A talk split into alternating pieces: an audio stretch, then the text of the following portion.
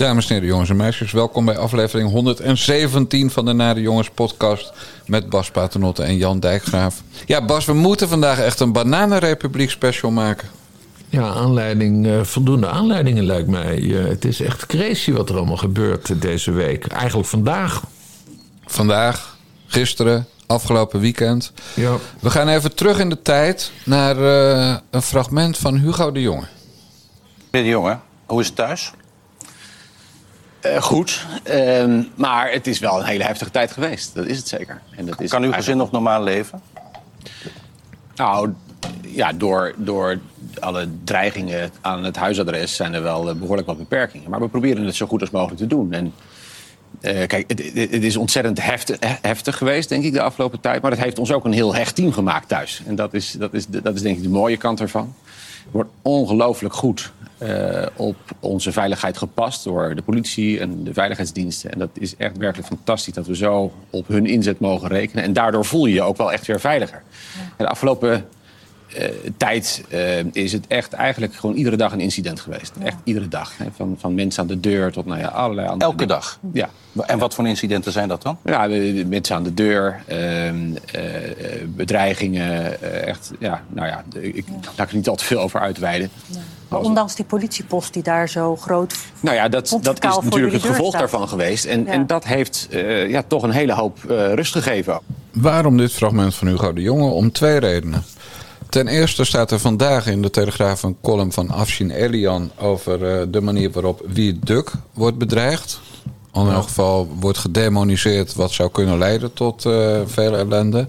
Ten tweede heeft dezelfde Hugo de Jonge eigenlijk afgelopen vrijdag een oproep gedaan op Twitter.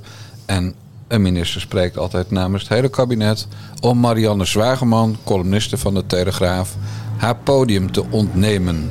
Ja. Nou, laten we met het eerste beginnen of niet? Ja, nee, ga je gang. Ik laat het nog even op me inwerken, want het is namelijk heel erg uh, wat er op dit moment aan de hand is.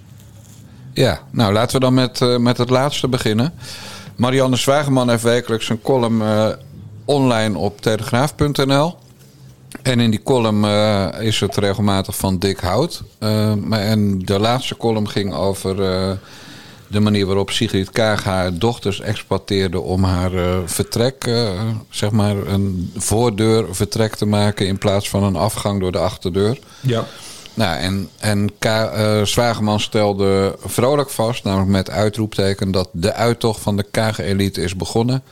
En Hugo de Jonge twitterde daarover dat het echt een schandalige, ja, schandalige column was. En die vroeg zich af, uh, en die zei dat het heel erg zou helpen als dit soort figuren geen podium meer zouden krijgen. Ja, nou, dat is een kwaadaardig noemde hij dit. Kwaadaardig ook. Dus dat ja. is A uh, demoniseren van Marianne Zwageman, een columnist met een mening. En B, een verkapte oproep aan de Telegraaf, eigendom van Mediahuis, net als NRC Handelsblad, of NRC moet je tegenwoordig zeggen, uh, om haar haar podium te ontnemen. En ja. aangezien ministers staatsrechtelijk altijd namens de gehele ministerraad spreken, vindt dus het kabinet Rutte 4 dat de Telegraaf moet ingrijpen in het geval van Marianne Zwageman. En dat is, naar mijn weten, een unicum in in elk geval de geschiedenis die wij hebben meegemaakt. Nou ja, exact. Daarom, en daarom vind ik dit zo erg.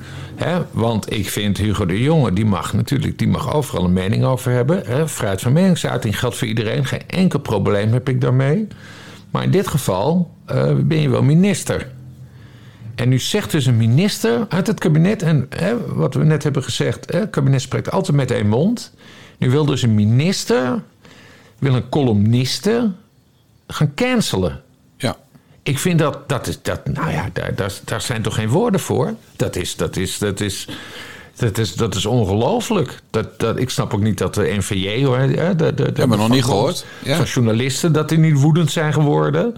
Ik vind, uh, trouwens, er is ook geen, geen hoofdredacteur van de Telegraaf tot nu toe. Die heeft gezegd, uh, dit kan niet. Maar ja, dat komt omdat ze misschien in een soort machtsvacuum zitten. nou, dat, dat, dat, komt omdat Pijltje Jansen afscheid heeft genomen afgelopen weekend in zijn laatste column. En dat, dat de twee nieuwe hoofdredacteuren, die uh, Keenman, Kanin, uh, nog wat... Uh, die, zeg maar, die online zo goed is. En, ja. en het, het neukertje van Paul Jansen, ja. Esther Wemmers Ja, die hebben natuurlijk eh, geen enkel gezag. Nee, nee. Al zouden die 300 persberichten sturen, zouden ze nog, eh, zou iedereen zich nog afvragen van wie zijn die mensen. Ja. Eh, dus dat, maar je hebt volkomen gelijk. De NVJ is stil. De hoofdredactie van de Telegraaf is stil. De collega's van de Telegraaf zijn over het algemeen stil. Kortom, Zwageman is ook binnen de Telegraaf omstreden, mag je dan wel Ja. vaststellen. Maar daar gaat het helemaal niet om. Het gaat om, om wat hier gebeurt. En dat is inderdaad. Nou, en, en Ton F. van Dijk, die wij allebei zeer waarderen. Die heeft in HP de Tijd een, een verhaal geschreven over eh, eh, hoe je duidelijk kan maken hoe erg dit is. En ook hoe hypocriet Nederland is. En dat is keer het maar eens om. Maak er maar eens van dat de minister zou zeggen dat de Volkskrant Sandertje Schimmelpenning zijn eh, podium Ja. zou moeten ontnemen. ja, dan was het land te klein. Dat bedoel ik. Dan zat, Ja, zat er klein, hoor alle talkshows. Ja, dat moet je niet doen. Niet geen lengtegrappen. Sorry. Ja. Nee, Pim is, ne- onze oudste Pim is net terug uit Japan. Hè. Die heeft ook heel veel sauna's bezocht. Of hoe het daar ook heet. En die zei dat, dat, dat Japan eigenlijk wel een beetje het beloofde land is... voor mensen zoals Sander Schimmelpenning. Want ze hebben allemaal hele kleine pikkies daar, zei hij. Oké. Maar goed, dat terzijde. Jij begon. Goed, en, een enorme ontsporing van het gesprek. Jij begon. Maar goed, wij... eh, kijk, ik, heb, eh, ik ben al honderd jaar geleden geblokt door Marianne Zwageman. Ja, Met, die ik notabene heb geholpen bij het schrijven van haar eerste boek. Hè? Dus je laat een aap klimmen en vervolgens word je geblokt. ja. Maar dat staat helemaal los van het feit dat ik, dat ik het opneem voor, eh, eh, voor iemand die op zo'n schandalige manier vanuit de boezem van het kabinet wordt aangevallen. Nee, maar echt, absoluut. En, hè, want, want ik ben ook geen fan van Zwageman. Sterker nog, ik lees volgens mij... Nee, ik ben niet door haar geblokt volgens mij. Of ik ben een keer door haar geblokt geweest. En opeens volgde ze me weer. Ik weet niet hoe dat precies ging. Maar goed, ik vind het ook geen briljante columnist of zo, hè. Ehm, Hoeft allemaal niet, hè? Ja, dat hoeft allemaal niet. Nee. Terwijl ze soms wel hele, hele grappige dingen heeft gedaan. Hè? Die hele doorhoud-discussie, die is door haar begonnen. Ja. Hè, het wegsnijden van het doorhoud. Nou, kijk, dan ben je dus een goede columnist. Hè? Als het hele land het over jouw column heeft. Ja. Eh, en in dit geval ging de politiek het er ook over hebben. Precies. Ehm, over Net als over praktisch en theoretisch opgeleid. Dat heeft ze ook wel op de kaart gezet. Nou, precies. Dus sowieso goede columnisten. Dat, dat kunnen we wel stellen. Maar juist daarom is het zo eng dat een fucking kabinet zich ermee gaat bemoeien. We zijn niet fucking niet Oost-Europa of zo. We zijn niet hier, hier Rusland eh, of, of Oekraïne. Waar je, waar je gewoon even de pers kan breidelen. eh, omdat je dat graag wilt. En vergeet niet, hè, dit is Hugo de Jonge. Dit is een man die ontzettend veel eh, burgervijandelijke maatregelen heeft afgekondigd tijdens de coronacrisis. Ja. En juist hij, hè, hij die dus verantwoord, mede verantwoordelijk is voor, voor zaken als de avondklok en, en QR-codes en weet ik veel. Die gaat dan nu ook nog eens eventjes een persbreidel doen. Ik, eh, nee, ik, eigenlijk, eigenlijk heb ik er geen woorden voor. En, en, en daarom snap ik niet dat de NVJ, die altijd vooraan staat bij dit soort zaken, nu zwijgt. Ja. Dus ik weet niet of dat met Marianne Zwageman zelf te maken heeft, of dat het met de Telegraaf te maken heeft. Maar nee, ik snap gewoon niet dat, dat de vakbond van Nederlandse journalisten eh, nu niet op de barricade staat om te zeggen van we willen nu excuses van het kabinet. Ja, en gisteravond bij Op 1, dat zat toevallig het WNL-koppeltje. En Zwageman heeft ook voor WNL ge- gewerkt. Nou, daar hadden ze hier ook eh, bij Op 1 hadden ze prima aandacht aan dit onderwerp kunnen besteden. Maar Bert Huisjes, hè? Dus dan is hij boos dat Zwageman, eh, is hij boos op Zwageman om iets. En is ze eruit gepleurd als opiniemaker bij WNL. Of zelf vertrokken, whatever.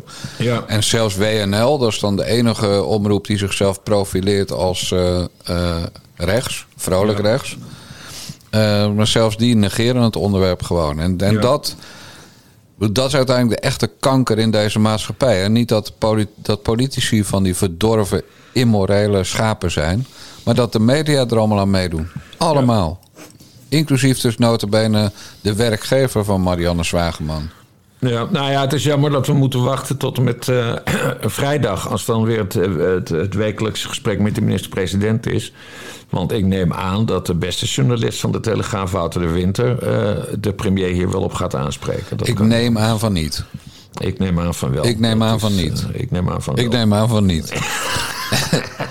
Oké, weddenschap. Oké, Ja, wetenschap, prima. Een, fles chocolademelk eh, zetten we erop. Ja, ik wil dan Eh, plantaardige ik chocomel. Plantaardige chocomel. Ik zeg Wouter de Winter gaat vrijdag eh, voor zijn krant in de bres springen en voor zijn columnist in de bres springen. En voor de vrijheid van meningsuiting en en voor de de persvrijheid. meningsuiting. Ja. En aan premier Rutte een oordeel vragen over de uitspraken van zijn minister van Wonen over Marianne Zwageman. Overigens wordt de kwestie vandaag al behandeld in de Tweede Kamer. Want er is een mediadebat in de Tweede Kamer. En Martin Bosma heeft al aangekondigd dat hij dit onderwerp te berde zal brengen Ja. vanmiddag. En dat is dus met Oesloe van D66, neem ik aan. Gunnar Oesloe, eh, staatssecretaris Media. Ja, die ook al, net als Kaga, vertrek heeft aangekondigd na deze kabinetsperiode. ja, ja. Ja, het is inderdaad een, eh, zoals Zwageman zei, de uittocht van D66 is begonnen. ja, absoluut. Over uittocht gesproken, als er een uittocht is, is er ook altijd een intocht. Weten we het al? Weten we wat al? Komt hij of komt hij niet? En dit bedoel ik, hier bedoel ik niks smerigs mee. Nou, vandaag wordt de Eerste Kamer gekozen. Ja, Lijsttrekker van D66, Paul van Menen. ja. Die zit nu in de Tweede Kamer. Ja, Die neemt vandaag ontslag. Ja, ja, ja. ja dus wat gaat Smeets Ja, doen? dat is natuurlijk toch, Ja, de, eh, toch de, ja, de precies. Precies, maar dat is dus wachten. Want Sidney Smeets krijgt straks... Eer, eerst moet Paul van Menen geïnstalleerd worden als Nou, dat fractievoorzitter... is over twee weken pas. van eh, de D66-fractie in de Senaat. En dan stuurt de eh, kiesraad een briefje naar eh Sidney Smeets. U bent verkozen als Tweede Kamerlid. Wilt u die positie innemen? En dan heeft hij weer twee weken de tijd of zo, of een maand... eh, om daar een antwoord op te formuleren. Ze tillen het echt over de zomer heen, ik zweer het je. Ja, het is alleen maar in het voordeel van D66. Ook al, ja, uiteindelijk zullen ze de pleister van de wonden moeten trekken. Ehm, eh, want het, gaat het gaat natuurlijk gedoe geven. Want eh, ze, kunnen, ze kunnen Sidney Smeets niet meer in genade aannemen. Dus dat betekent dat, aan mocht hij zijn zetel innemen... dat betekent dat hij zich afsplitst, zetel rooft... en dat we nog een fractie in de Tweede Kamer hebben... En dat D66 voor het eerst een zetel kwijtraakt aan een zetelrover. LPF-praktijken, meneer. Ja. Ja, nou, of hij sluit zich gewoon aan bij Gundogan of eh, bij. Dat kan ook, hè. Past, die, al- past die allebei goed bij. Nou, goed, bij zou die trouwens wel passen. En dat, zou, dat vind ik helemaal geen gek idee. dat heb ik al tien keer gehoord, man. Luister het je niet naar het mij? Is wel, het is wel goed voor de Kamer. Want eh, ehm, eh, dan verdubbelt de fractie van, van Sylvana Simons. Maar zelf heeft Simons het veel te druk met die parlementaire enquête naar... Ik weet het niet eens meer. Ik denk toeslagenschandaal was Ja, er zeker. Ja, want, eh, want ze, ze verantwoordt het feit dat ze zelden meer in de Tweede Kamer is. Nou ja, Met, exact. het is En mijn en dan doelgroep. zou Smeets, zou, zou Smeets, die vermoedelijk toch wel aansluiting vindt met veel standpunten van B1, Alle? Dan zou hij prima haar eh, zaak kunnen waarnemen in, eh, in de Tweede Kamer. Ik vind dat helemaal geen slecht idee. Even los van Smeets, hè? Maar eh, dan hebben we tenminste niet een fractie erbij. Dan blijft het aantal fracties gelijk. Ja. En dan krijgt Sylv Sylvana Simon meer centjes. Ja. Maar ja, goed, ik, weet niet, ik weet niet of Sylvana Simons een, een blanke man naast haar duldt. hè. Nou, Dat- man, man, man. Het is natuurlijk geen gewone man, hè? Ja, en dikke kans dat Sylvana Simons het ook niet wil. Want die heeft inmiddels natuurlijk ook wel door dat Sidney Smeets een ruziemaker is. Nou ja, daar heeft ze geen gebrek aan bij die partij. Nee, Dus die verslijt ze zoals jij eh, pyjama's. ja. Ja, niet eigenlijk. Dat is een verkeerde, verkeerde vergelijking. Want zolang ik jou ken, heb je al dezelfde ruitjes pyjama. en ja nee, ik, dus- echt, ik draag inderdaad ruitjespyjama. Ja, natuurlijk draag je. Dat- goed. ik, heb ze nooit, ik heb hem nooit gezien, maar dat kan je gewoon wel raden, ja. Ja. Maar wil jij, wil jij nog even verder over de Telegraaf hebben... voordat wij naar de Eerste Kamer gaan? Ja, zeker. Want eh Sidney Smeets is natuurlijk ook een bruggetje naar de column van Afshin Elian Exact, vandaag in de precies. Telegraaf. En kan jij de lezers die geen Telegraaf lezen, of niet via eh 12feet.io, 12ft.io, eh, de betaalmuur omzeilen, kan jij die even vertellen wat er in de column van Afshin Elian stond? Want ik ben niet objectief, ik vind, eh vind een weggooien. Die klootzak heeft me geblokt. Oh, nou nee, het is gewoon een hele, hele lange column over, over dat er toch wel erg veel aanvallen zijn op, eh op Viaduct. Daar komt het op neer. En, en, dat, die, dat, die, dat die aanvallen onder, onder meer geopend zijn door Sander Schimmelpenning, de topcolumnist van, van eh, de Volkskrant. Eh, wij zitten in het bestuur van zijn, eh, zijn fanclub, de Nee. Schimmelpenninck, eh, fanclub. En nee, maar goed, Elian breekt, breekt dus een, een lans voor die andere telegrafer, Wier Duk. En ik vond dat volgens mij wel een, een verstandige, verstandige column. Ja, want wat staat erin dan? Ja, dan moet ik de hele column... Nou, dat is nou het mooie, Bas. Er staat een oproep in aan de media... die mensen als Sandertje Schimmelpenning... En hij noemde natuurlijk geen namen, maar wij kunnen zo invullen. Sandertje Schimmelpenning, Pietje Lekkerkerk, Petertje Breedveld. Nou, allemaal dat soort viespeuken. Al die mensen die wie Duk allemaal fascist noemen. Om die geen podium meer te geven. Dus hij doet precies wat Hugo de Jonge deed over Marianne Zwageman van de Telegraaf. Doet Ja. Elian over de mensen die wie Duk aanvallen. De Ja, media zegt- moeten een verantwoordelijkheid nemen, Ja, zegt hij. Ja. Hij zegt de NPO en andere media moeten geen ruimte bieden aan personen die obsessief en stelselmatig journalisten, politici of academici demoniseren. Ehm, ehm, eh, en dan zegt hij isoleer en sanctioneer de social media hooligans. Eh, hier maakt hij dus wel, denk ik, inderdaad een verkeerd, eh, het verkeerde onderscheid. Want hij, volgens mij wil hij hier iedereen sanctioneren met kritiek op Wierduk. Dus ook mensen die dat onder eigen naam doen. Hè? Je weet, ik ben groot voorstander van om, om anonieme rukkertjes op te sluiten in kampen, bij wijze van spreken. Ja. Maar ik vind dat mensen die onder eigen naam iets doen. Eh, eh, als die kritiek hebben, ja, die kun je wel sanctioneren, maar dat is gewoon heel simpel. Dat is gewoon de gang naar de rechter maken. Dan vraag je aan de rechterkant deze uitspraak. Hè? Exact. Dus dat, dat, vind ik allemaal, eh, dat vind ik allemaal niet zo ramp. Dus daar lijkt hij wel voor te pleiten. Maar, ja, maar, maar los van dat, ik vind het wel goed dat hij in de bres springt voor Wierduk. Dat, dat, was meer mijn, meer mijn Ja. punt. En dat hij dit dus hè, met zijn belangrijke plek in de krant dit, dit, dit adresseert. Want er is natuurlijk wel. Ja, het is, het is, het is bizar, die aanval op Wierduk. En het, lijkt trouwens, ik weet niet of jij dat ook hebt... maar het is net alsof de geschiedenis zich herhaalt. We hadden in 2010, dus dat is inmiddels 13 jaar, 14, 15 jaar geleden... In, eh, omstreeks die periode, rond tre- 2010, we zaten allemaal op Twitter... Nou, toen had je overduidelijk twee kampen. Hè? Je had de wilde jongens, dat waren wij zeg maar van stijl... eh, HP De Tijd, hè? want wij, wij waren toen ontzettend veel aan het twitteren... En dan had je allemaal groepen, dat waren vele anoniemen, die gingen dan eh, die hele anti-geen stijlblogs oprichten en, en weet ik veel. En iedereen, iedereen had ruzie met elkaar. Maar op een gegeven moment is, was dat afgelopen, want alle argumenten waren wel gewisseld. Ja. En iedereen was wel een keer voor fascisten uitgemaakt of voor extreem linkse. En uiteindelijk had iedereen eens van: hé, hey, misschien moeten we maar gewoon doorgaan. Toen kreeg je in 2017 kreeg je een opleving. Eh, toen, toen kwam die hele discussie op over, over, over nepnieuws. En toen had je de correspondent. En die hebben toen een heel onderzoek gedaan. En eh, naar, naar rechtse media. En daar kwam opeens uit dat TPO, waar ik toen nog werkte, hè, de Post Online, dat wij gelieerd waren aan Erkenbrand. En ik weet nog dat, dat ik dat las en ik, ik Bert Brussen bellen. Ik zeg, Bert, ken, kennen wij mensen van Erkenbrand? En Bert van, wat is Erkenbrand? Dus wij dat uitzoeken. Eh, nou, eh, dat hele Erkenbrand, wat dus een extreem rechtsclubje was, is op Twitter, dat weet ik niet eens. Dat kenden wij dus gewoon niet. Correspondent heeft dat uiteindelijk ook allemaal moeten rectificeren. Eh, maar zo'n sfeertje is er weer. Van we, gaan, we gaan rechtse journalisten opknopen. Niet letterlijk, maar eh, we gaan ze opknopen. En misschien, want Sander Schimmelpenning, die daar nu leidend in is. Eh, ik weet niet of het zijn leeftijd is, maar het zou zomaar kunnen dat hij, wat wij dus al hebben meegemaakt, hè, dat links en rechts elkaar in 2010 de hersens in gingen slaan en dat dat in 2017 weer een beetje opleefde. Kijk, Schimmelpenning, die was in die tijd was die advocaat en, en, en daarna had hij, had hij, baatte hij een pizzeria uit. Hij heeft dat volgens mij helemaal niet meegekregen. Want ik heb, ik heb echt, hoe heet dat, eh déjà vu's gewoon Ja. van... Hé, hebben we dit niet al een keer meegemaakt? Dat, dat iedereen nu op Duk zit te zeiken. Want Duk werd ook al afgezekerd toen hij voor TPO schreef, hè? Ja, dus dus ik, zie, ik zie alleen maar herhaling erin. Het is net alsof niemand er iets van heeft geleerd.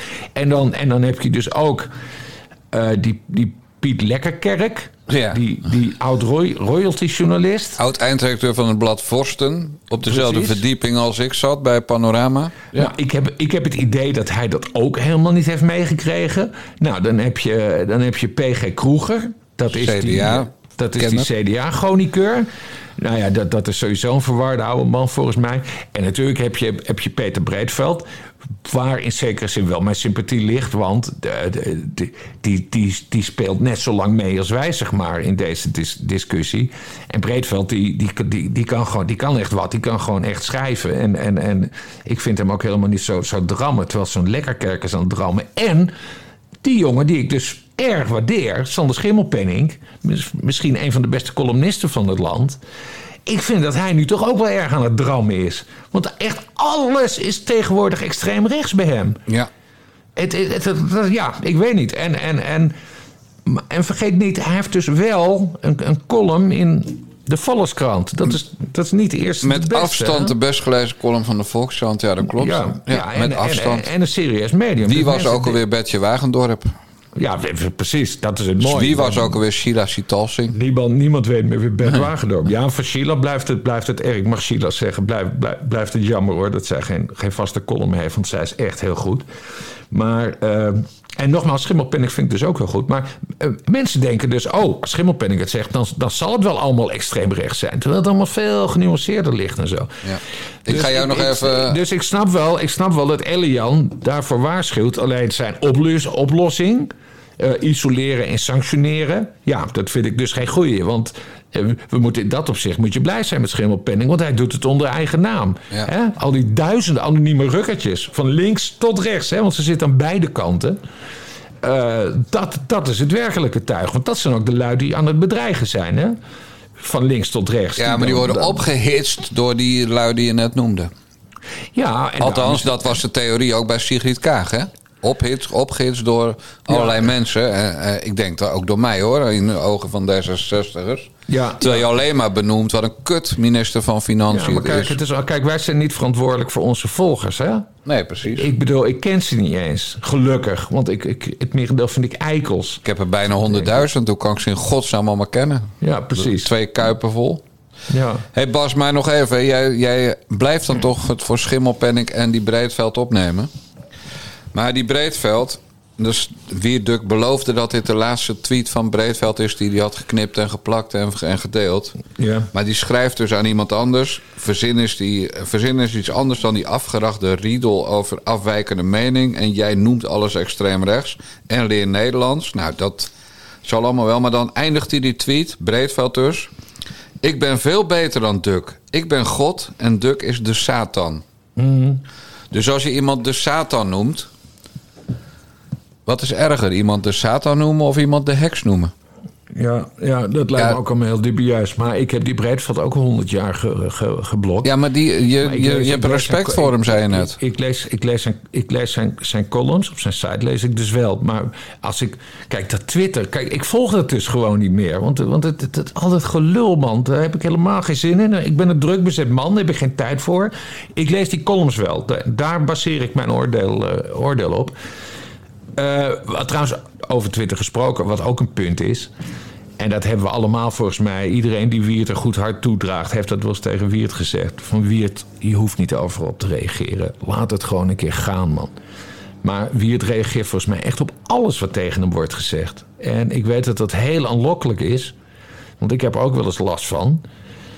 Dat, dat ik vind dat mij dan onrecht wordt aangedaan op Twitter. En dat ik dan, dan bereid ben om daar uren over door te twitteren. En om aan te tonen dat ik gelijk heb. En ik heb ook altijd gelijk, zoals je weet.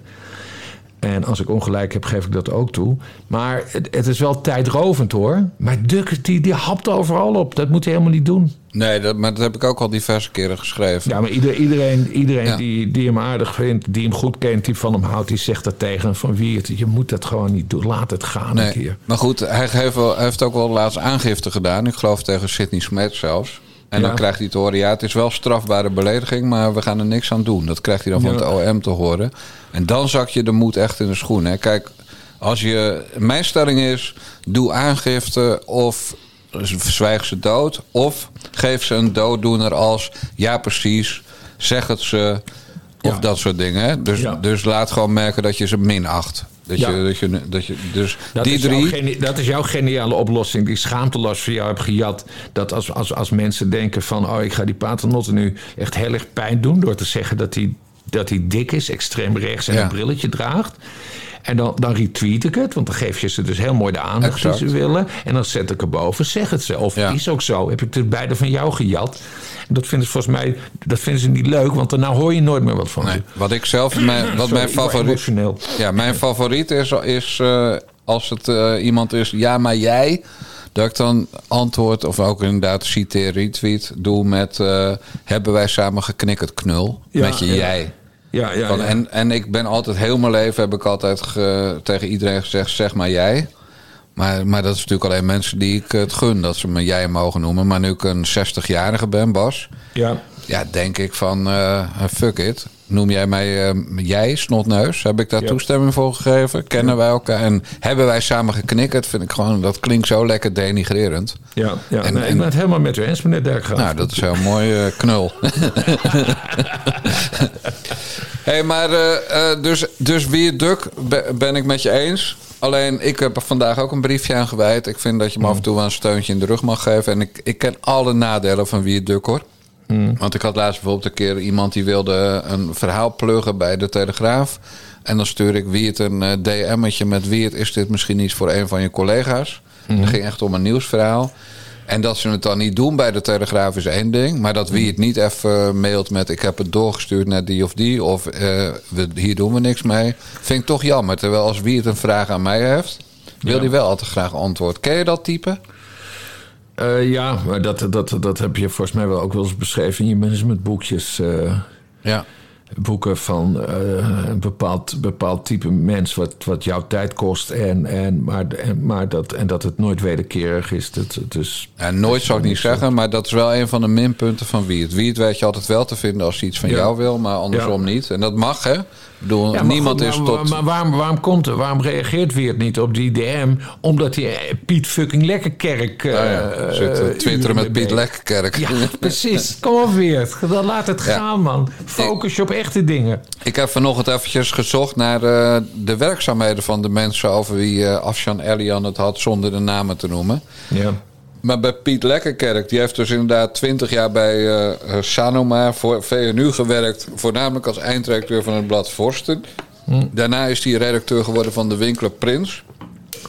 Daarna is hij nog redacteur geworden bij een uitgeverij. Eh, maar inmiddels is hij, nog, is hij redacteur zonder dat hij een opdrachtgever noemt. En wat is nou heel grappig? Het allerlaatste nieuwsverhaal dat je van Piet Lekkerkerk kan vinden. En waar verscheen dat vooral? Hè? Want het ging bij Elian om een oproep aan de werkgevers van dat soort mensen, opdrachtgevers. Ja. Bij de Joop van BNN Vara. Ja, maar dat, dat ene verhaal, wat best wel een goed uitzoekverhaal was, ook altijd niet goed opgeschreven. Eh, dat gaat wat. Volgens mij bedoel je dat verhaal over die uitgeverij van het Sherry Baudet en. eh, Bas, het maakt niet uit. Je, maakt weer, je gaat weer de details in. ja. BNN Vara betaalt Piet Lekkerkerk centjes. En Piet Lekkerkerk zijn van de grootste teringleiers op Twitter... als het gaat om het, eh, om het Ja, eh, zwart ja, maken ja. van wie het duk. Daar gaat het om. Nee, maar ik bedoel meer dat, dat verhaal dat is van vorig jaar. Dus dat is, dat is zijn, zijn Ja, hij laatste, doet, hij doet geen reet. zijn laatste ding. Nee, is de hele tijd dat verhaal aan het recyclen en meedoen aan die, aan die discussie van ja, iedereen is extreem rechts. Snap je? Dus die bizarre focus en het gaat helemaal niet meer over de inhoud. Nee, ze herhalen zichzelf allemaal. Net zoals die PG Kroeger. Die, ze herhalen zich Ja, allemaal. PG Kroeger is 65 jaar. En zijn laatste baan was hoofdredacteur bij Science Guide. Ja. En daar is hij dus ook weg. Dus wat doet, P- doet PG Kroeger nog wel betaald?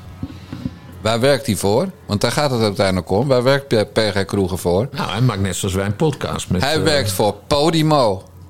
Hij Ja, zat maar- bij Dag en Nacht Media. En dat is overgenomen vorig jaar door Podimo. Ja, ja maar En wie zijn- wie zit er ook? Dat is een oud collega van mij uit de Kamer. Ontzettend goede vent is dat. Maakt hij maakt hij een podcast, Betrouwbare Bronnen. Alleen ik luister die podcast nooit, omdat die 3,5 uur duurt. Daar heb ik helemaal geen tijd voor als druk bezet eh, man. Ga je weer in de details. Het gaat erom dat ja, Podimo dit soort mensen een podium geeft. Daar gaat het om. Eh, ja, ja, maar goed. Ja, maar willen we nu dat Podimo Kroeger gaat cancelen? Dat, nee, Nee, dat wil, dat wil Afshin Elian. dat wil Ellie. En die wil ook dat de dus niet. correspondent de schrijver Sandertje Schimmelpenning eh cancelt. En de Volkskrant, de columnist Sandertje Schimmelpenning. Ja, en de maar ik ben- ik ben VPRO, de programmamaker. tegen- Ik ben er absoluut op tegen dat, dat mensen oproepen om Sander Schimmelpenning te cancelen. Daar ben ik ook op tegen, maar aan de andere kant ben ik ook altijd bereid om een uitzondering op de regel te maken. Want waarom heb je anders regels? Ja, ja, nee, precies zoals Piet Kieboom, de, de Cor oud... eh, Kieboom. ik onthoud wel een keer. Heel goed. Ik kan nu de Ja, wat goed. zei die? Wat zei die? Cor Kieboom, de legendarische oud-voorzitter van Feyenoord, zei ooit... Van, ja, nee, maar dat hij niet... Dat hij, dat hij consequent... eh, dat, dat, dat, dat, eh, "Nou, waar staat geschreven dat ik consequent moet ja, zijn? precies. Ik had Kieboom goed. Weet je wat grappig is? Tussen al die ratten die Wierduk eh steeds beledigen... Ja. En, en proberen in de fascistenhoek te duwen... zit ook altijd Hans Laroes. Och, ja, Hans Laroes, dat is ook zo'n zuiger. Echt, kom op, man. Dus, maar goed, zullen we naar eh, belangrijke dingen gaan? Ja, dit is ook heel belangrijk, maar de namen... het is- op Schimmelpenning nou, is het allemaal een beetje B en C en uitgerangeerde garnituren, vind je niet? Piet Ja, Lekkerkerk, Peter. Breedveld, Hans Laroes, PG Kroeger. Het, het, het, het, is, het is qua uitstraling ligt het in de kist... of het is letterlijk op weg naar de kist. Het is allemaal... Eh, Net als Petertje Breedveld, man. Eigenlijk gewoon al 22 jaar schoolkrantredacteur bij de VU in Dat Amsterdam. vind ik allemaal niet erg. Ik heb dat nooit, ik heb dat, ik heb dat nooit leuk gevonden. Dat, dat mensen. Ja, wat maakt het nou uit dat hij, dat hij voor de. Omdat hij, de- hij daar gefrustreerd over is. voor de, voor de universiteitskrant. Omdat hij daar gefrustreerd Ja, over maar hij is. toch zijn site. Ik lees zijn site iedere dag. nog, Ja, bij wijze van kijk nou eens naar... Om een site te leren kennen, kijk je naar het aantal bezoekers... of je kijkt naar de impact die het heeft... of je kijkt naar de reacties onder de stukjes. Mm. En alle reacties op de site van Peter Breedveld... komen bijna van Peter Breedveld. En als je donatie... hè, Jij zit ook vol in het Nee, maar hij, donatiemodel. heeft, hij heeft zijn reacties uitstaan. Luister nou. Jij zit ook vol in het donatiemodel. Waar moet je tegenwoordig zijn als je in het donatiemodel zit als vrije jongen in de journalistiek? Bij welk bedrijf moet je zijn? Ja, bij Petje Af. Petje af. Petjeaf.com slash nare jongens. Juist, daar kunnen mensen abonnee van ons worden. Dan krijgen ze twee extra podcasts per week. Bellen met Bassie en de Bassie en Jan Moskee. Nou, dan is er nog een alternatief voor Petje af. En dat heet Back me.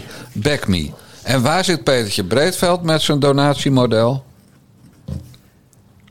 Oh, dat weet ik niet. Zit hij bij eh, Jan Roos? Nee, Oh. hij zit niet bij Petje Af, zoals wij met petjeaf.com slash naar de jongens. Hij zit ook niet bij Back Me, hij zit bij Patreon. En jij kent Patreon wel, want in ongeveer in 2008 was Patreon het, het eerste eh, donatiemodel. En dat komt uit Amerika. en waarom is dat kut voor Nederlanders, Bas? Nou, weet ik niet. Omdat je niet met Ideal kan betalen. Oh. Alleen maar met een creditcard. Dus wat betekent dat? Dat mensen die professioneel zijn...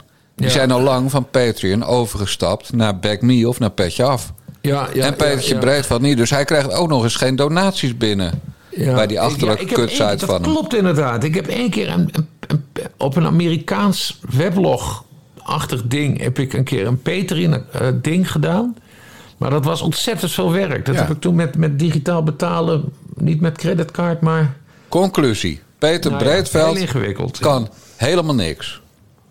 Nee. Dus Breedveld, als je luistert... Niet naar Petje Af, want dan heb ik een probleem. Bas, Hm? dan heb ik een probleem. Want, Ik wil op geen enkele manier geassocieerd worden met die viespeuk. Oké, ja.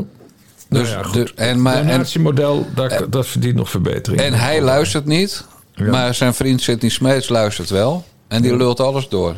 Ja. Hij lult alles door, bedoel ik gewoon doorgeven. Zegt, zegt alles, hè? Ja, Dat je geen associaties krijgt, want ja, Peter Breedveld is 50.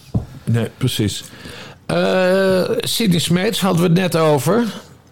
En nu kunnen we mooi terug naar, dat, eh, naar het bruggetje. Welk bruggetje? Audio Eerste Kamer staat hier. Ja, en wat heeft Sidney Smeets nog met de Eerste Kamer te maken? Omdat, omdat als de Eerste Kamer straks verkozen is... Sidney Smeets dus terugkeert in de Tweede Kamer. Oh, zo bedoel je het. Ja. nou, ik heb een beter bruggetje. We gaan luisteren naar iets in, uit de Tweede Kamer. Want daar komt Sidney Smeets in. En dat is namelijk eh, een eh, lezing, althans het begin, want we willen de, de luisteraars niet wegjagen. Een lezing van Pieter Omzicht, die werd ingeleid door de beste Kamervoorzitter die Nederland nooit heeft gehad. De heer Omtzigt gaat eh, doseren en die heeft eh 90 minuten spreektijd aangevraagd, als ik dat even. 110 is dat geworden. Ehm, dus ja, daar wens hem eh, veel succes mee. En hij heeft ook lichtbeelden meegenomen en, en dingen waar hij mee gaat wapperen. Dus eh 110 minuten omzicht. Het woord is aan u. Dank u wel, voorzitter.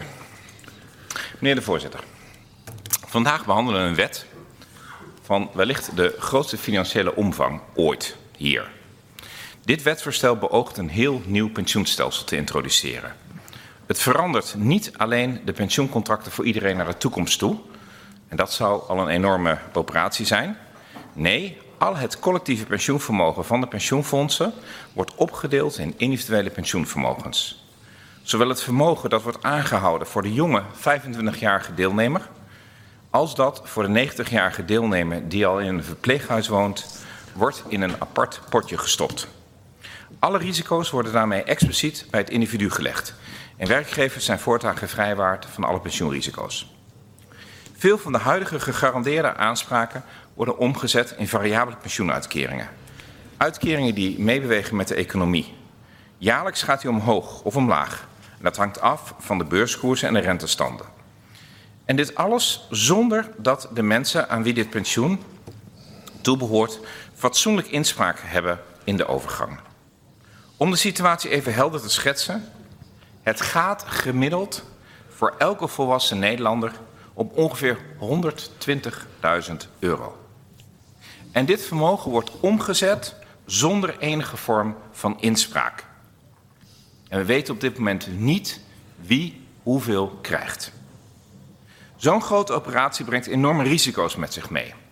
De Raad voor de Rechtspraak heeft bijvoorbeeld tot tweemaal toe heel hard gewaarschuwd dat de rechtspraak volledig kan vastlopen als de wet wordt ingevoerd. Dit als gevolg van de vele rechtszaken die gevoerd zullen worden. Mede omdat mensen simpelweg geen inspraak hebben op de vraag wat er met hun pensioenvermogen gebeurt. En ook onmogelijk kunnen controleren in hoeverre hun pensioen voor en na de transitie goed berekend is. Ook bij de uitvoeringsorganisaties is het wachten op ongelukken met de ombouw van ICT-systemen. Dit, Bas Paternotte, was dus een half jaar geleden in de Tweede Kamer. Ja. De wet ging er wel door in de Tweede Kamer. En nu eh, wordt er vandaag, als ik het goed heb, om vijf voor half tien vanavond, of vijf over half tien, in de Eerste Kamer over gestemd. Dus we hebben vanmiddag de situatie dat om vier uur bekend wordt hoe de nieuwe Eerste Kamer er per 14 juni uit gaat zien. 13 juni. En eh, een paar uur later, dus als deze Eerste Kamer feitelijk, eh, eh, ja, ik kan eigenlijk zeggen, demissionair is, hè, net als een kabinet. Gaan ze nog even die pensioenwetten doorheen jassen. In de oude samenstelling. Ja. Ja. en wie zijn de schuldigen? VVD, D66, CDA, ChristenUnie, Partij van de Arbeid en GroenLinks. ja. Nou, wat vinden we daarvan? Nou ja, het, kijk, het tering zo. Eerst even over de inhoud. Ik weet helemaal niks van de inhoud. Eh, Financiële economische onderwerpen zijn nooit meer forte geweest. Ik ken de discussie, ken ik ook nauwelijks. Eh, sowieso pensioen, en dat is dus een fout die ik maak. En veel mensen, pensioen staat zo ver van mij af. Ehm, terwijl dit dus, en daar heeft Omzicht uiteraard gelijk in... dit is dus extreem belangrijk, want het is dus een... eh, dit is een wijziging van het stelsel. Eh, het, eh, wat was het? Vijf- 1500 miljard Miljard, ja. gaat het om. Ja? Maar het is dus een wijziging van het stelsel die ons allemaal gaat beïnvloeden. Dus dan hoop je dat er heel goed over nagedacht is. Maar het schijnt toch anders te liggen. Want zodra je merkt dat, iets een, dat het niet over de inhoud gaat, die ik zelf dus niet ken, maar dat je wel ziet dat er allemaal politieke spelletjes worden gespeeld.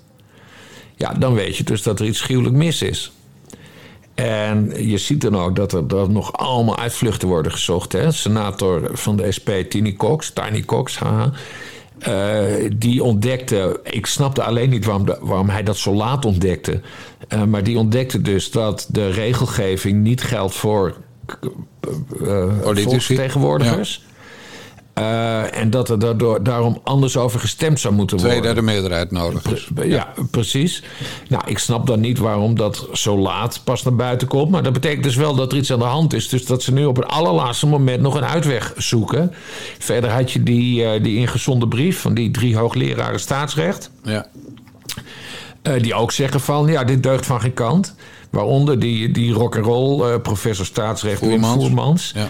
Wat ik altijd een heel interessante vent heb gevonden. Uh, maar ja, aan de andere kant, het is tegelijkertijd een man die zei van, uh, dat Richard de Mos veroordeeld gaat worden. Terwijl die werd vrijgesproken. Hè? dus wat die, en die Voermans die maakt wel vaker fouten. Dus daar heb ik eigenlijk ook nog niet meer zo'n vertrouwen in. Maar het is dus één groot gedoetje. En daar is natuurlijk een prima oplossing voor. In de zin van kijk er nog even met een frisse blik naar. En hoe doe je dat? Ooggunst. We hebben provinciale statenverkiezingen gehad. Er komt een nieuwe Eerste Kamer. Uh, waar de verhoudingen best wel zijn veranderd. Drastisch, ja. Drastisch veranderd. Waarom laten we dan gewoon die, die nieuwe Eerste Kamer dan niet het eindoordeel hierover uh, uh, geven? Maar ja, dat willen mensen dus niet. En waarom willen de mensen dat niet? Uh, uh, nou ja, dat weet ik niet. Maar dat zal dus wel betekenen dat, dat, dat, dat, dat er dan bepaalde belangen geschaad zullen worden. Dus dat het er nu doorgedrukt moet worden. Ja, en dat, en dat deugt natuurlijk niet. En, daar, hè, en jij zei van eigenlijk is de, is de Eerste Kamer demissionair. Nou ja, zo zou je dat wel kunnen zeggen. En wat, hè, wat, als, wat gebeurt er als een kabinet demissionair is? Dan heb je ook allemaal onderwerpen die op een rol staan. Hè, die dan nog door kamers moeten wetsvoorstellen van, van, van het kabinet en dergelijke. En dan zeg je van, uh, dat zijn controversiële onderwerpen. Dus die gaan we nu niet meer behandelen, omdat, hè, uh, omdat er geen kabinet is op dit moment. Nee. En dat zou je eigenlijk in dit geval met de Eerste Kamer moeten doen. Ja. Want, want je zit nu dus in dat, in dat limbo, in, de, in die schaduwwereld van de, de, de oude de oude kamers zitten nog, maar de nieuwe uh, die, die komt er al aan. Die staat al op de deur te kloppen. En dan letterlijk ook op één dag, hè, vandaag. Ja. uh, dus ja, nee, dan moet je, vind ik, uh, zo'n onderwerp als de, de, deze enorme historische pensioenstelselwetgeving. dan moet je dat controversieel verklaren. En dan wacht je gewoon tot de, tot de volgende Eerste Kamer. Maar ja, belangen, belangen, belangen. Ja. Dus, dat, dat, dus dat willen mensen niet, omdat nee. ze weten dat dan de, de uitkomst vermoedelijk anders is. En dan zijn er dus drie Eerste Kamerleden, onder wie Paul Rozemuller van GroenLinks en Ria Omen van het CDA, die mm -hmm. as we speak bestuurder zijn van een pensioenfonds. Ja. En dus een direct belanghebbende. Nou, uh, uh, Rozemuller is namens de werkgevers notabene, mind you, namens de werkgevers bestuurslid van uh, ABP. ABP ja. En het ABP is eigenlijk het windmolenpensioenfonds. Die, ja. die gaan uit fossiele brandstoffen. Uh, oh, daar had ik nog een uh, grap over fossiele brandstoffen. Ik ken, iemand, ken jij iemand die, die nog één keer fossiele brandstof is? Binnenkort? Nee. Hanneke Groenteman. Oh, want? Nou ja, ik neem aan dat ze gecremeerd wordt. Het is een fossiel. Maar goed, slechte grap. Dat is echt een hele slechte grap. Nou, ja, mag ik ook een keer. Dan lijkt het toch een keer op de zoon. Hè? Die heeft ook altijd slechte grappen. uh, maar goed, Rozenmuller uh, is dus van het, uh, van het Windmolenpensioenfonds. ABP. Hij is direct belanghebbende namens de werkgevers. Ja. Uh, en die gaat gewoon vandaag voorstemmen. Die gaat zich ja. niet eens van stemming onthouden dat hij zegt van nou, toch niet in de haak dat ik uh, aan belangen verstreng. En het argument is, ja, maar alle Eerste Kamerleden, het is maar een bijbaan. Ze hebben allemaal andere belangen. Ja. Maar dat staat toch fatsoen niet in de weg, denk ik dan. Nee, en ik meende trouwens dat Jesse Klaver had gezegd dat... Uh dat, dat, dat, dat, zijn, dat hij in de PvdA... Maar dan zie je dus weer, hè? want dan gaat Jesse Klaver zeggen... nee, dat geldt voor de nieuwe samenstelling. Dat ze tegen alle wetgeving van het kabinet zouden gaan stemmen. Hè? Ja, maar dit moet nog even doorgeduwd worden. Omdat die, omdat die klimaattoestand niet, uh, niet, uh, niet naar wens verloopt volgens hen. En daarom heeft Jesse Klaver gezegd... we gaan tegen alles van het kabinet stemmen... En dus de, als we dat nu tegen Jesse Klaver zeggen, dan zegt hij: Ja, nee, maar ik bedoelde de nieuwe samenstelling van de Eerste Kamer natuurlijk. Dus niet de oude. Ja, goed, zo kan ik het ook vinden. En, en dan doen ze het ook niet. Dus dat, dat is nog... Dat is sowieso Nee, ja, precies. Dan gaan ze, dan gaan ze ook gewoon Ja. mee stemmen. Maar goed. uitkomt. Ja. Dat, dat speelt dus nog mee. En, en dan inderdaad de kwestie van... is een, eh, eh, een meerderheid genoeg of moet het tweederde meerderheid zijn? Ja. Nou, en wat verder natuurlijk meespeelt... is dat de eh Omzicht heeft dus inderdaad anderhalf uur college gehouden... in de Tweede Kamer. ja. En denk jij nou, hè, want dat is toch een belangrijke beslissing... daar is iedereen het wel over eens. Maar denk jij nou dat toen al die Tweede Kamerleden... die net als jij en ik geen bal van pensioenen begrijpen... dat die in de zaal zaten toen? Ja, maar ik heb het hele debat niet eens gezien. Omdat Nee. het... eh, Maar zal ik je vertellen hoeveel mensen er zaten? ja, nou ja, Vier. alle, ja, maar alle pensioenwoordvoerders natuurlijk. Ja, Dus vier. Oh, dat zijn niet eens alle pensioenwoordvoerders. Nou ja, de me- misschien stond de rest nog achter de gordijnen, spreekwoordelijke gordijnen. Ja, ja. Maar de zaal was dus volkomen leeg. Omzicht Ja. stond voor een lege zaal anderhalf uur uit te leggen hoe het allemaal zat. Ja. En Omzicht is tot op de dag van vandaag bezig om de stemming uitgesteld te krijgen. Maar Omtzigt had dat van die tweederde meerderheid toch ook gemist? Dat was dus echt de vinding van Tini Cox, meen ik. Ja, dat weet ik niet precies. Ja. Maar dat is, ik weet niet, of- kijk, eh, Henk Otter komt geloof ik nog met het voorstel van een derde, een derde ronde, derde termijn van de Kamer. Maar het zijn allemaal, allemaal noodgrepen om te proberen te voorkomen. Nou, ik heb de suggestie aan de hand gedaan aan mensen die vandaag op, de, op excursie naar Den Haag zijn om een vier Toevallig. rijen dikke kring rond het gebouw te, te maken. Zodat de Om, nee, om daar toevallig te zijn. Niet, je roept ze niet op om, om, het, om de Eerste Kamer heen te gaan staan, Jan. Dat ze opruiming zijn. Nee, nee, nee. Dat, dat is gewoon dat ze gaan kijken welke Kamerleden er allemaal komen vandaag voor Precies. de stemming. En die kunnen dan niet door, door die vier rijen. Dat was een Ja. beetje het idee. Ja, ja. Nee, opruiming zou ik nooit doen. Nee. Maar in elk geval, zo zijn er diverse noodgrepen. Maar kijk, één ding staat als een paal boven water, Bas Paternotte. Hmm. Morgen kan je gewoon een lijstje maken met eh, minimaal 76... eh, nee, met minimaal 38 mensen... die die pensioenwet eh, er doorheen hebben gejaagd in de Eerste Ja. Kamer. En, Ja. en dat zijn de mensen van VVD, D66, CDA, ChristenUnie... Appeltje... en GroenLinks en de PvdA. Ja. En de meest getroffen mensen zijn natuurlijk de mensen die een klein pensioentje hebben. Ja. Ja. Want, want kijk, he- heel erg in het kort komt het erop neer dat je nu een redelijk vast pensioen hebt. En dus weinig profiteert van, eh, eh, nou, laten we zeggen, van winsten van pensioenfondsen. ja. En dat je eh, straks theoretisch de kans hebt dat je pensioen harder groeit dan nu. Maar dat is natuurlijk alleen maar de zonzijde van het verhaal. De keerzijde is dat het ook harder kan dalen. ja. Dus nu kan het stilstaan. En ook in uiterste gevallen dalen. En dan, eh, ja, het is gewoon, eh, het heet eh, het casino-pensioen. En Nou ja, dat, vandaar de term Ja. casino-pensioen. Die komt bij de SP vandaan. Ja. En dat is wel grappig. Want dat, dat, dat hebben we helaas niet kunnen meekrijgen. Omdat wij dus vanmorgen een redactievergadering hadden. En nu de podcast aan het opnemen zijn. Maar er zijn twee fractievoorzitters wel naar de Eerste Kamer getrokken vanmorgen. Eh, en dat zijn eh Caroline van der Plas van eh, BBB, zoals we weten. En Lilian Marijnissen van de SP, de uitvinder van de term casinopensioen. Eh want zij zijn dus met z'n tweeën best wel opmerkelijke samenwerking trouwens. Dan zie je dus al wat er aan de hand is, hè, qua nieuwe Ja. samenstelling van de Senaat. Maar dus BBB en de SP, die zijn dus vanmorgen om half tien naar de Eerste Kamer getrokken. Samen met eh, wat oudere en pensioenorganisaties en, en sympathisanten. Dus de beelden daarvan heb ik nog niet gezien. Maar die zijn dus actie gaan voeren voor de, voor de Eerste Kamer. Dat hadden ze dus beter misschien vanavond kunnen doen, om half tien inderdaad. Maar goed, het, eh, ze hebben het dus om half tien vanmorgen gedaan. Dus het, eh, het, het, het leeft wel, maar dat je dus ziet dat SP en BBB al samen, samen gewoon die twee fractievoorzitters, Lydia Marijnis en Caroline Ja. van der Plas, samen naar de Eerste Kamer lopen. Ja, dan moet je helemaal als, als, als, als, als, als, als, als GroenLinks en PvdA, maar, maar natuurlijk ook VVD, D66, CDA en ChristenUnie, moet je toch wel even afvragen, waar zijn we hiermee bezig? Als, als twee uitersten, want in feite zijn het uitersten, als SP en BBB, zelfs de handen eh, ineens slaan tegen, tegen je wetsvoorstel. nou ja, wat het kenmerk is van beide, dus van BBB en de SP... en wat vroeger het eh, domein van de PvdA was...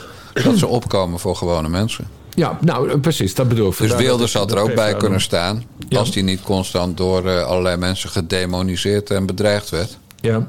Maar, en dan, ja, ik weet niet of... Is Marijnus een beetje dikker geworden de laatste tijd? Nee, hoezo? Nou ja, hadden ze misschien met z'n tweeën die deur wel kunnen barricaderen. ja, maar en Caroline, die is ook aan het afvallen. Hè? Er is, die is al iets van 10 kilo afgevallen, Oh. vertelde ze laatst. Oh, nou ja, weet je, dat soort dingen. Stond dat in, play- jouw Playboy-interview met haar? Of Nee, ik spreek Caroline eh, natuurlijk eh, vaak. Nee, ze had het getwitterd dat ze aan het afvallen was. Ja. Dat, eh, Maar jij zei net, net dat jij het over de... Het is wat trouwens... Wat we ook niet moeten vergeten, hè? Want, Hmm. want dat is grappig. Met al die, die incidentjes, hè? zoals dat K-gedoe met die dochters en die exit, dat ze zo weg wil. ja, ja. We vergeten dat de pensioenwet wordt, wordt er doorheen gejast. Maar hetzelfde geldt natuurlijk voor de pandemiewet. Hmm. Die wordt er ook nog even, is er nog even doorheen gejast. Ja. En dat is de wet waarin, waarin toch behoorlijk vrijheidsbeperkende maatregelen staan. Zelfs maatregelen waarvan bij de vorige pandemie, corona, eh, bewezen is dat ze volstrekt niet werkten. Ja. Zoals de avondklok. Ja. Hoe heet dat ook weer in het Duits vroeger? Nee, avond, avondklok is eruit gehaald, toch? Ja, weet ik veel. Volgens mij is de avondklok eruit. Nee, maar waar, het vooral belangrijk... wat het grote punt van die wet is... is met name dat, dat de regering... Ja, er staat niet van dat de avondklok mag worden ingevoerd. Nee, waar die wet om gaat... is dat de regering wel weer eenzijdig... van die harde maatregelen... in vergelijkbare situaties kan afkondigen. Ja, zonder Tweede en dat Kamer. Is, en, dat, en dat is zeer onwenselijk. Zoals we de afgelopen pandemiecrisis hebben, hebben gezien. Ja. En 80 jaar geleden. Ja, en 80 jaar geleden, ja. Precies. Goeie Godwin op de dinsdagochtend. Nee, maar dat, eh, dat, ik, vind, ik vind helemaal niks mis met een Godwin als die klopt. Ja. De manier waarop eh, de vrijheid van, eh, van meningsuiting wordt gepakt. Hè? Ik kwam even langs op Twitter van eh, een juichaapje dat een van de Franse minister. die had Elon Musk gewaarschuwd. Nu ga je tekenen. Anders ga ik via de Europese Commissie zorgen dat Twitter in de hele EU verboden wordt. Ja. Even tussen neus en lippen door is dat. ja, dan gaat de telefoon. Ja, van mevrouw Dijkgraaf via de computer. Maar ze zit zelf niet hier. Nee. Kan hem ook niet uitzetten. Wie belt er dan? Staat dat ook in beeld? Ja, eh, ik kan niet op haar scherm kijken, want ik zit tegenover haar. Oké. Dus ik, ik zie alleen mijn eigen scherm voor me. Ja, In elk geval is het is gestopt met bellen. oké. Eh, maar het is toch een gek huis hier vandaag, hoor, kan ik je vertellen. Ja, Weet je wat er vanochtend gebeurd is? vertel. Nou, de alpaca's werden geschoren. Ah. En, en toen zei jij van, eh daar moeten we het dan toch even over hebben. Ja, Als eh eh, Machines komt. ja. Eh, maar heb je ook geluid van alpaca's? Brullen ze of gillen ze? Ik zei, nee, dat doen ze niet. Maar ik, ik heb wel een ander geluid. Dat heb ik vorig jaar... Nee, dat is alweer twee jaar geleden opgenomen. Toen Dora werd geproduceerd. Moet je maar luisteren.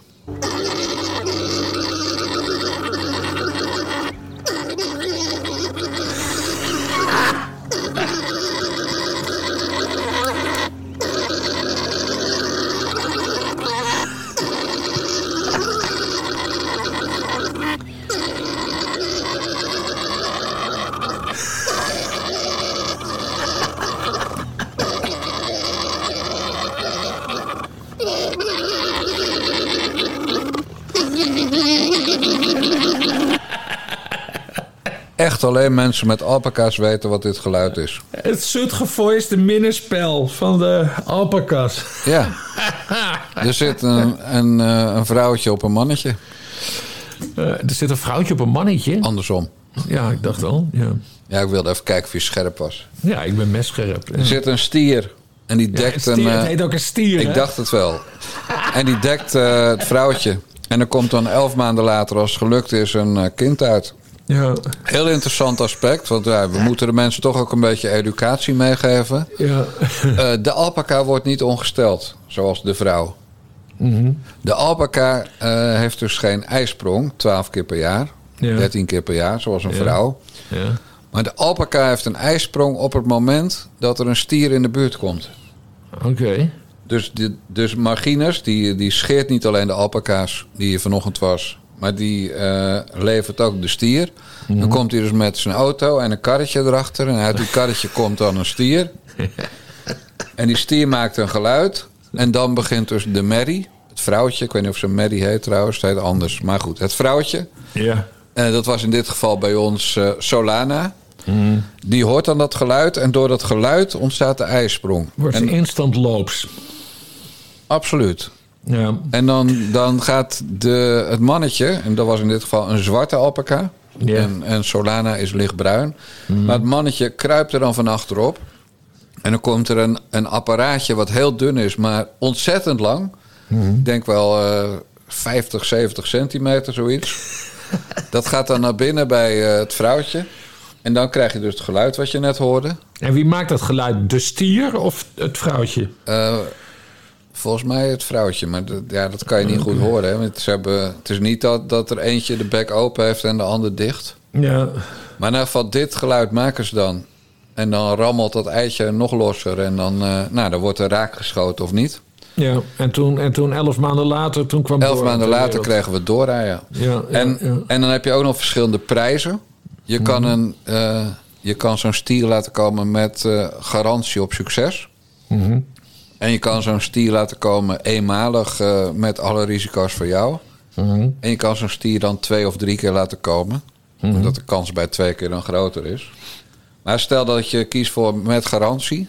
Ja, dan Ja. blijft hij dus net zo lang komen tot, eh, tot het zwanger is.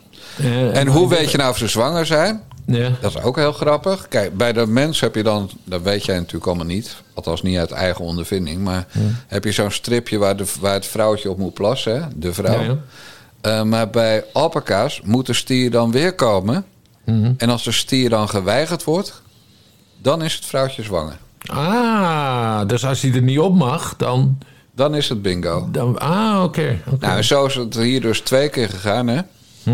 Wij hebben eh, de eerste keer hebben we Dora 1 gekregen. Nou, die ging binnen een week dood.